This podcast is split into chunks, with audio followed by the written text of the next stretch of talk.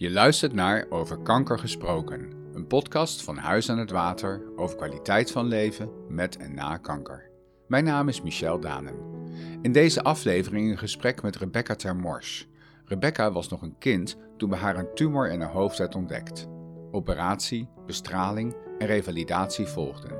Het trok een wissel op haar jeugd, maar ze groeide uit tot een zelfstandige, zelfbewuste vrouw die zich vol passie inzet voor anderen. Rebecca, wat fijn dat je mee wilt merken aan deze podcast eh, over kanker gesproken. Uh, de eerste vraag waar ik mee wil beginnen, doe ik wel vaker, is uh, wat is jouw link met kanker? Ja, nou allereerst superleuk natuurlijk dat ik uh, te gast mag zijn bij deze podcast. echt een heel mooi initiatief. Mijn link is eigenlijk dat ik op 11-jarige leeftijd zelf ziek ben geweest. Ik heb een hersentumor gehad. Op 11-jarige en... leeftijd? Ja. ja. Oh, nee. Dat is heftig. Ja, dat was uh, vrij heftig, uh, inderdaad. Want het is. Uh, ja, Weet je er nog veel van? Want je was natuurlijk echt uh, heel jong nog. Ja, nou, ik, ik, ik weet van sommige, sommige dingen, zoals bijvoorbeeld de, de weg na de operatie of de. Ehm, bijvoorbeeld toen ik de s'avonds, de eerste avond na, want ik ben met de ambulance vanuit het Elkeriek ziekenhuis in Helmond naar het Radboud ziekenhuis in Nijmegen gebracht. En dat weet ik echt nog heel goed. En die avond dat ik dan ook midden in de nacht werd ik wakker gemaakt om infuus te prikken en dat soort dingen. Er zijn wel flardes die echt nog wel, ja, die ik echt nog super goed weet. Um, en bijvoorbeeld ook hele eigenlijk rare dingen, maar dat je ook precies nog weet hoe de afdeling eruit zag. Of dat je precies nog weet, oh, die dag toen was ik dat en dat aan het knutselen met die uh, pedagogisch medewerkster. Maar de hele de week dat ik op de intensive care heb gelegen, daar weet ik helemaal niks meer van. En ook eigenlijk net de dagen voor de grote operatie, daar weet ik ook niet meer zo heel veel van. Ik, heb heel erg, ik ben er heel erg blij mee dat mijn moeder toen de tijd een dagboek heeft bijgehouden dat ik toch nog dingen kan nalezen. En wat is daar ehm, belangrijk in voor jou, dat je graag nog wil, wil weten hoe het toen was? Ja, het is toch, het is, dat moment heeft er wel voor gezorgd dat mijn leven nu zo is zoals het nu is en niet meer zoals vroeger. Het heeft toch wel ja, een hele uh, ommezwaai gemaakt met dingen die ik niet meer kan of dingen die ik juist weer opnieuw ontdekt heb of dat soort dingen. En ja, het is toch een heel groot deel van mijn leven geworden. Ja, en een heel eh, belangrijk moment dus, uh, begrijp ik. Ja, dus dat... Uh, en ja, als, ik ben nu 28 en dat, dat is toch wel... Als je zo jong bent, is het aan de ene kant heeft het heel veel impact. maar aan de andere kant weet je inderdaad niet meer... Sommige dingen weet je gewoon niet meer zo goed. En dan is het wel fijn als de mensen om je heen daar uh, ja, iets van bijgehouden hebben. En ik heb ook heel veel foto's uit die tijd. Dus dat is wel mooi om terug te kijken, ondanks dat het niet zo'n mooie periode was. Maar... Ja. En, en hoe heeft je moeder het beschreven? Ik ben gewoon heel nieuwsgierig. Als jij dat terugleest, hoe is het dan om het terug te lezen? Is het heel erg beschreven vanuit het perspectief van je moeder? Of is het meer feitelijk beschreven, de dingen die gebeurd zijn? Het, is, het is meer echt inderdaad vanuit haar perspectief geschreven. Dus dat is soms ook wel een beetje raar. Uh, ik weet vooral toen ik het in eerste instantie las, de eerste keer, toen dacht ik echt van, huh? Maar het is, ja, het is echt hoe zij het ervaren heeft. Dus dat is dan ook wel weer heel mooi om, te, om erachter te komen ja, hoe zij het ervaren heeft. Omdat je het als kind ervaar je het zo anders, zeg maar. En heb je bepaalde zorgen niet die je als ouder wel hebt. Dus haar zorgen en haar angsten, kan ik me voorstellen, heeft ze ook echt opgeschreven. Ja, ja. Lijkt me inderdaad bijzonder om dat dan terug te lezen. Ja, ja heel, is heel waardevol. Het is wel echt een, uh, kan ik me zo voorstellen, een hele intensieve tijd geweest voor jullie hele gezin. Ja, ja dat, uh, ja, dat uh, kan je wel zeggen, inderdaad. En ook, um, nou ja, mijn, mijn ouders waren veel naast werk, veel bij mij in het ziekenhuis in Nijmegen. En nou, het is ongeveer een uur rijden van waar wij toen de tijd woonden. Uh, maar ik heb ook nog een, uh, toen had ik nog een, een, een jonger zusje en een uh, oudere broer. Inmiddels zijn er nog twee broers, broertjes bijgekomen. Maar toen de tijd was het, ja, zij moesten in die maand dat ik in het ziekenhuis lag naar, naar oma. En hebben daar gewoond. En oma heeft daar ja, natuurlijk alle zorgen op zich genomen en zo. Maar het was voor hun natuurlijk ook ja, ineens heel anders. En, uh... Hele gekke tijd waarvan ik me kan voorstellen dat vooral je oudere broer, dat die dat nog echt goed weet. Ja, ja. Ja, het heeft echt zo'n gevolgen voor eigenlijk jullie hele gezin gehad. En dus ook uh, blijkbaar jouw oma. Ja, ja, het heeft, uh, ja, het heeft inderdaad op iedereen heeft het het heeft op iedereen een andere impact, maar het heeft wel allemaal een grote impact, omdat je je hele leven wordt overhoop gehaald. En ja, je moet roeien met de riemen die je hebt op zo'n moment en flexibel omgaan met dingen. Maar inderdaad, oma die had er ineens, die had nog één kind thuis en die, die had er ineens nog twee bij. Ja. En uh, ja, voor mijn ouders was het ook steeds op en neer en de dieren. En ja, dan weer daar slapen, dan weer daar slapen. En uiteindelijk konden ze dan uh, de laatste week in het uh, Ronald McDonald huis slapen, daar om de hoek. Dus dat was heel fijn.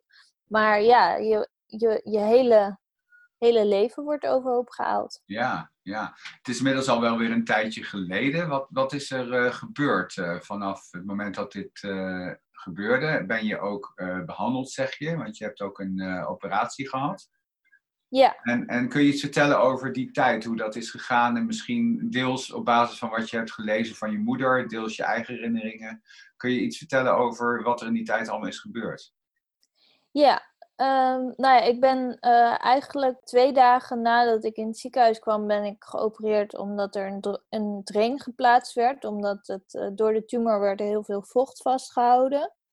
En een week later eigenlijk heeft een grote operatie plaatsgevonden waarbij ze uh, 90% van de tumor hebben weggehaald. Dat leek veelbelovend, was, want het was in eerste instantie een goedaardige tumor alleen op een vervelende plek bij de, bij de kleine hersenen en de hersenstam.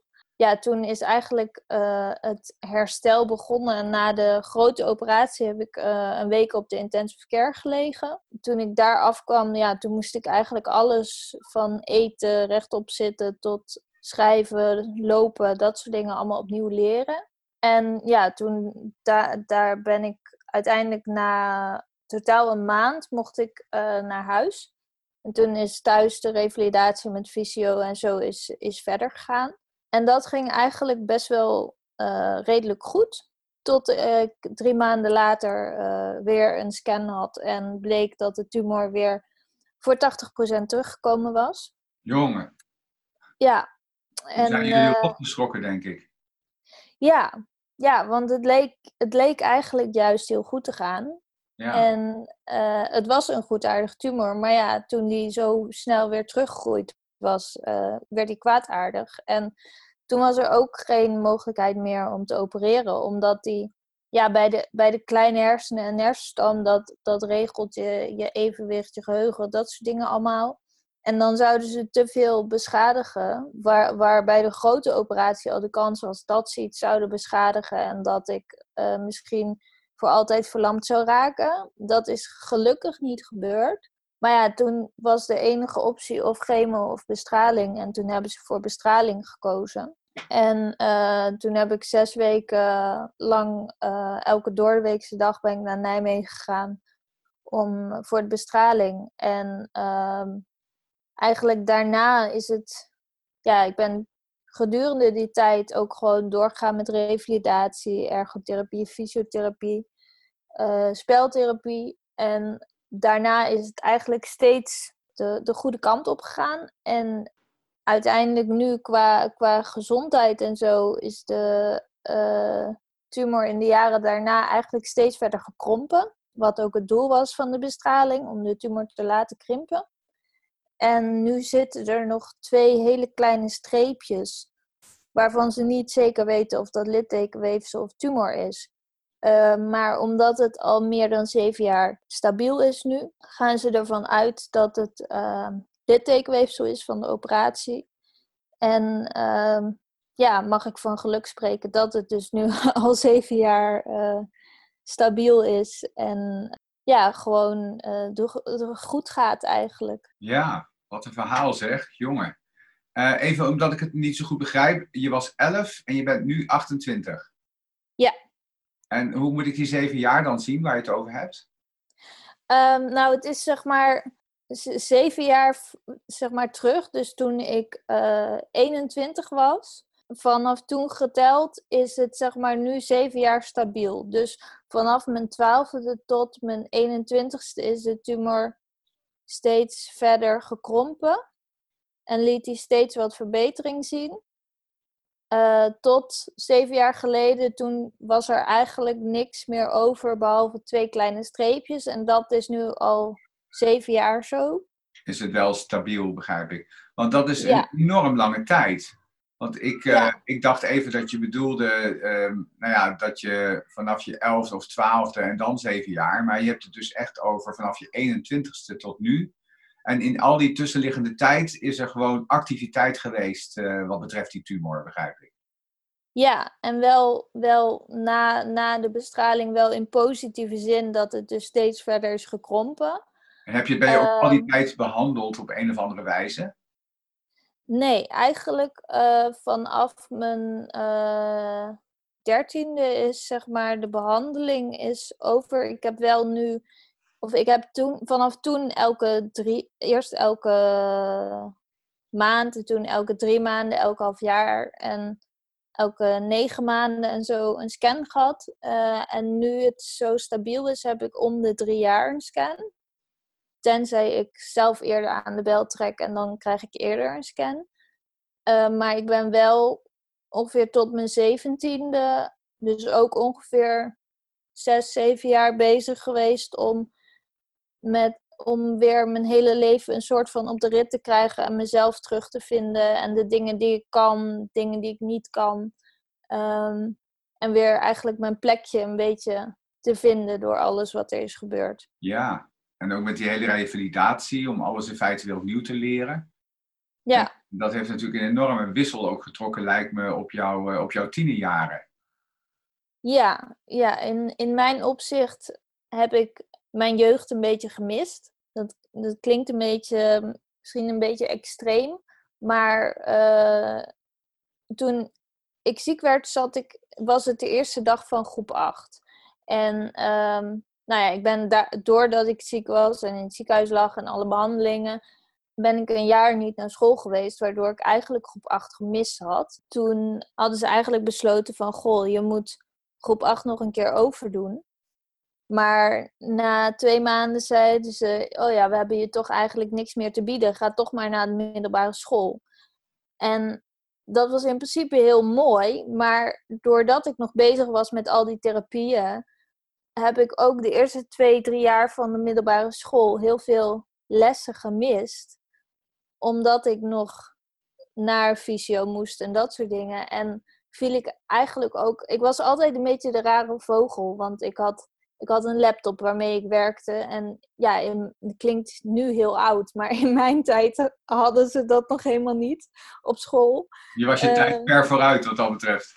ja, en nou ja, ik, ik moest altijd eerder weg. Ik ging in het begin maar halve dagen naar school. Dus het, het, het was allemaal een beetje, ehm, ja, een beetje raar. En ik kon ook nooit buitenschool met vriendinnetjes afspreken, omdat ik daar nooit de energie voor had. Dus ik viel altijd een beetje buiten de boot en ben eigenlijk pas tijdens mijn studie een beetje mijn tienerjaren uh, gaan herleven of zo. ja, nee, ik kan me voorstellen dat het natuurlijk zo aanwezig is geweest in jouw tienertijd, dat je, dat je niet een normale jeugd hebt gehad wat dat betreft. Nee, inderdaad. Maar als ik het zo hoor, dan zijn er in ieder geval wel hele goede dingen uh, gebeurd. Want je, je bent zover dat je nu al zeven jaar stabiel bent in je hoofd, hè, wat betreft die tumor. Uh, dus nog maar weinig controles eigenlijk. En hoe is het met je herstel anders dan dat? Uh, heb je het idee dat je weer goed kunt functioneren? Ja, het is altijd een beetje zoeken. En ik heb uh, tijdens mijn studie is bijvoorbeeld zijn de late effecten van de bestraling. Dat is bekend dat die tien jaar, ongeveer acht tot tien jaar na de, na de behandeling echt hun intrede maken. En dat is tijdens mijn studie ook heel erg gebeurd, waardoor ik uh, heel veel moeite ineens kreeg met uh, leren. En uh, nou ja, heel veel nog meer geheugenproblemen kreeg als dat ik al had, zeg maar. Maar ik heb daar gelukkig nu mijn weg in gevonden. En ik heb overal briefjes hangen. En ik heb overal voor elk project wat ik doe, heb ik een apart notitieboekje waar ik alle notities in bijhoud, zodat ik helemaal niks kan vergeten. Ik heb nog heel ouderwets een papieren agenda. Dus waar je eerst voorop liep met je laptop op school, eh, ben je nu een beetje van uh, zeg maar de old school met agenda's op papier. Ja, ja eigenlijk wel. En je bent nog steeds een beetje vreemde eend in de bijt. Ja, ja.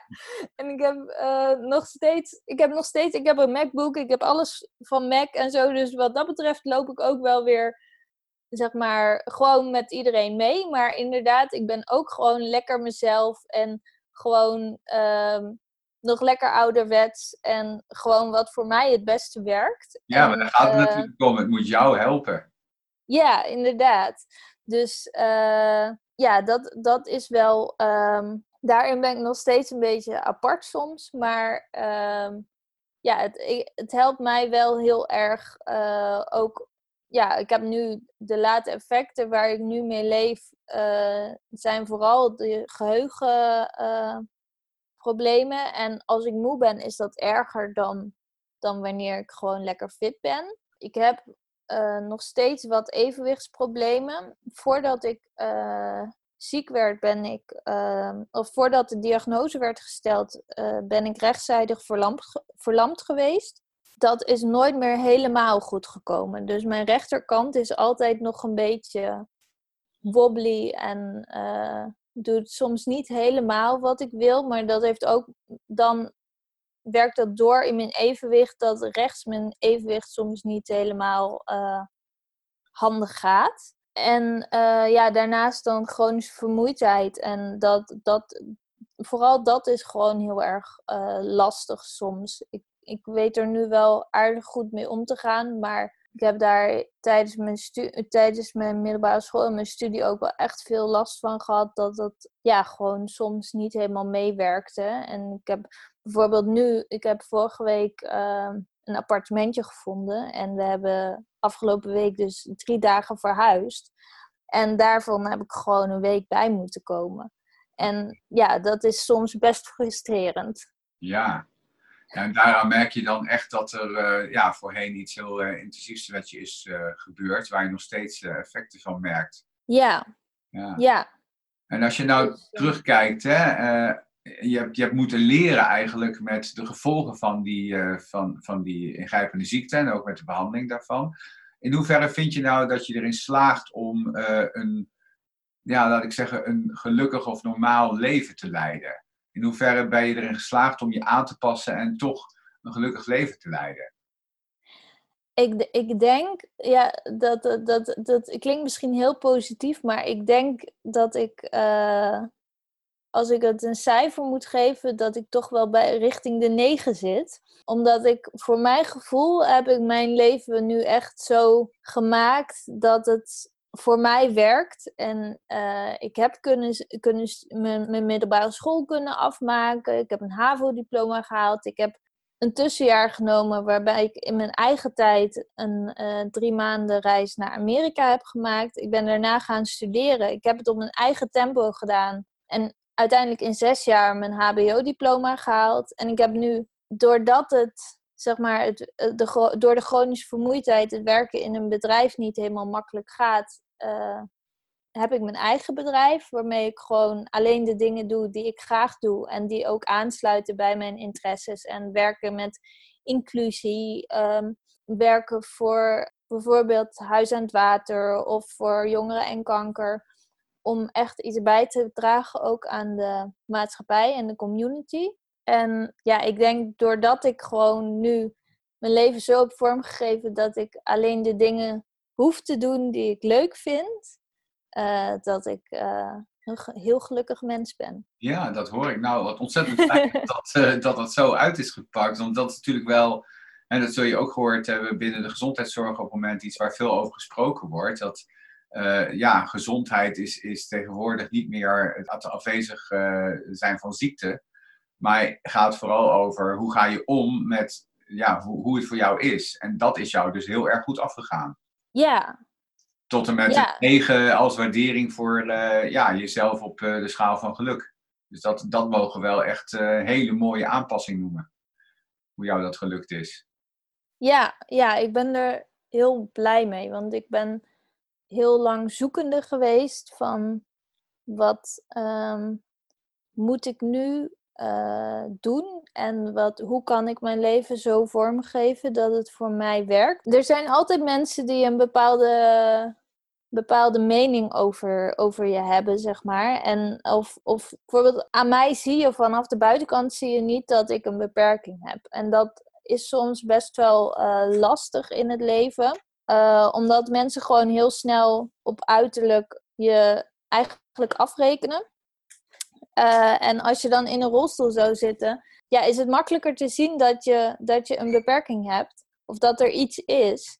Of dat je bijvoorbeeld, uh, ook al is het alleen maar dat je in een rolstoel zit, maar dan zien mensen wel dat er iets is. En ik ben heel vaak, uh, vooral tijdens mijn middelbare school en mijn studie, aangelopen tegen onbegrip of mensen die, hoe vaak je het ook uitlegt, gewoon niet willen. Die denken gewoon, ja, maar je ziet er toch gezond uit, dus dan waarom, dus waarom je het nou over? Ja. Ja. Ja, ja, ja. En um, dat heeft heel veel frustraties op, op, um, met zich meegebracht. Maar het heeft me ook wel sterker gemaakt in het feit dat ik gewoon echt voor mezelf moet kiezen. En niet moet proberen om um, om maar mee te doen met de rest, zodat ze mij uh, hetzelfde zien als, als zichzelf. Maar, uh, en dat ik niet die vreemde eend in de, in de bijt ben. Ja. Um, maar dat, dat uiteindelijk ga je daarvan onderdoor. Want je kunt niet, als je chronische vermoeidheid hebt uh, en naar school de hele dag studeren en s'avonds nog uitgaan tot in de late uurtjes. En dan de volgende ochtend weer op tijd uh, in de, het klaslokaal zitten, zeg maar. Ah, dat dus... gaat gewoon niet. Je, je moest gewoon anders doen, hoor ik je zeggen. Ja, ja, ja. en ik denk dat, ja, het heeft mij een, een, heel wat jaren gekost. Maar juist door die ervaringen ben ik er ook achter gekomen wat voor mij wel werkt. En dat ik niet altijd hoef te luisteren naar wat anderen ervan vinden. Maar dat ik gewoon moet doen wat voor mij goed voelt. En vanuit mijn eigen kracht dingen, ja, dingen moet doen. En zoals de, de dingen die ik nu voor mijn bedrijf doe, daar, daar ben ik goed in. En dat, zijn mijn, dat is mijn eigen kracht en dat zijn mijn talenten. En ja, ik denk dat dat ook voor. voor um, dat ik dat ook heel graag met mijn bedrijf en alles wat ik doe wil uitdragen. Dat ook al ben je ziek geweest, of ook al heb je een beperking, dat dat volg vooral je hart en ga uit van je eigen krachten en je eigen talenten en dan kun je zoveel bereiken. Ja, jij bent wel echt een voorbeeld daarvan. Je, je leert dit aan anderen, maar je, jij leeft in feite je eigen boodschap, als ik het zo hoor. Ja, nou, dankjewel. Ja, ja, is, ja uh... heel duidelijk. Je bent echt een zelfstandige vrouw geworden met uh, veel zelfbewustzijn. En ook uh, ja, aantoonbaar heel veel aanpassingsvermogen, maar ook uh, heel authentiek zet je eigen dingen neer. Want daar ben ik wel benieuwd naar. Je vertelt, ik ben vanuit mijn eigen bedrijf nu ook allerlei uh, ja, diensten aan het leveren aan anderen. Dus je bent je eigenlijk gaan inzetten voor anderen. Kun je wat meer vertellen over wat jou daar, nou ja, wat, wat, je daar vooral in doet? Ja, nou ja, ik, ik vind het vooral heel belangrijk dat dat mensen met een beperking ook gewoon mee kunnen doen in de maatschappij. Um, en ik heb zelf in mijn uh, onderwijsperiodes, zowel middelbare school, basisschool als studie, heel veel moeten strijden voor de um, dingen die ik nodig had. En uh, ik werk nu bijvoorbeeld voor social media en communicatie voor het platform In School. Dat gaat over uh, passend en inclusief onderwijs. En dat past heel erg bij mijn eigen inzichten. En, en dat iedereen mee kan doen en dat iedereen samen naar school kan gaan. Um, maar ik ben bijvoorbeeld ook heel erg bezig om mijn ervaringen, eigen ervaringen te delen. Bijvoorbeeld um, door, uh, ik heb via mijn eigen bedrijf kracht- en koffiesessies. Dat is zeg maar uh, een koffiesessie waarbij je gewoon ervaringen deelt over uh, je eigen kracht, maar ook over het ondernemen met een beperking. En waarbij ik ook graag mensen wil helpen die op zoek zijn naar hun eigen krachten. Ik coach daarin ook mensen. Dus als ze een vervolgtraject willen, dan uh, kan dat ook aan de hand van een stappenplan. En dan gaan we uh, daarmee aan de slag. Maar ik, ik, zet me bijvoorbeeld ook in voor um, Stichting Jongeren en Kanker. Um, waarmee we lotgenotencontact organiseren, informatievoorziening en belangenbehartiging doen voor uh, jongvolwassenen van 18 tot 35 jaar. Um, en ik heb ook toen ik 17 was als profielwerkstuk van mijn middelbare school een eigen stichting opgericht. Waarmee ik ook lotgenotencontact organiseer in de vorm van een leuke dag uit. één of twee keer per jaar voor een groep uh, wat jongere kankerpatiënten. Dus uh, kinderen en jongeren van 10 tot en met 25 jaar die kanker hebben of hebben gehad. Ja, en ik hoorde je ook uh, Huis aan het Water noemen. Ja, klopt. En, en wat doe je daarvoor? Nou, ik ben eigenlijk uh, in aanraking gekomen met Huis aan het Water zes of zeven jaar geleden. Toen ik voor het eerst meedeed aan een relax weekend van Stichting Jongeren en Kanker. En doordat ik zeg maar zo jong ziek ben geweest en altijd in eerste instantie wil je zeg maar als je ziek bent wil je gewoon daarna weer ben je uit het ziekenhuis ben je thuis en wil je gewoon weer lekker meedoen met de rest van je leeftijdsgenoten. Dus ik heb in eerste instantie altijd gezegd oh dat lotgenotencontact dat is niks voor mij. Maar gaandeweg kwam ik er wel achter dat ik met vragen zat echt leeftijdsspecifieke vragen en zo. En toen kwam ik dus terecht bij Stichting Jongeren en Kanker. En ging ik voor het eerst mee met een relax weekend. En dat was bij Huis aan het Water. Ja, dat was echt, dat was thuiskomen. En je had gewoon, je had aan één woord genoeg tijdens dat weekend. Je, je, als je moe was, dan was het niet raar, zoals het normaal altijd is. Maar dan was het, oh, ga even liggen, neem even tijd voor jezelf. En dan doe je gewoon straks weer lekker mee. En dat, ze begrepen het gewoon. Ja, ze begrepen het gewoon. En je had alles kan en alles mag daar. En dat, um, ja, dat, dat voelde heel, um, heel speciaal. En ook als thuiskomer hoorde ik je zeggen. Ja. Ja, wat, ja. wat mooi. En ben je daar zelf later ook actief voor geworden? Begrijp ik dat?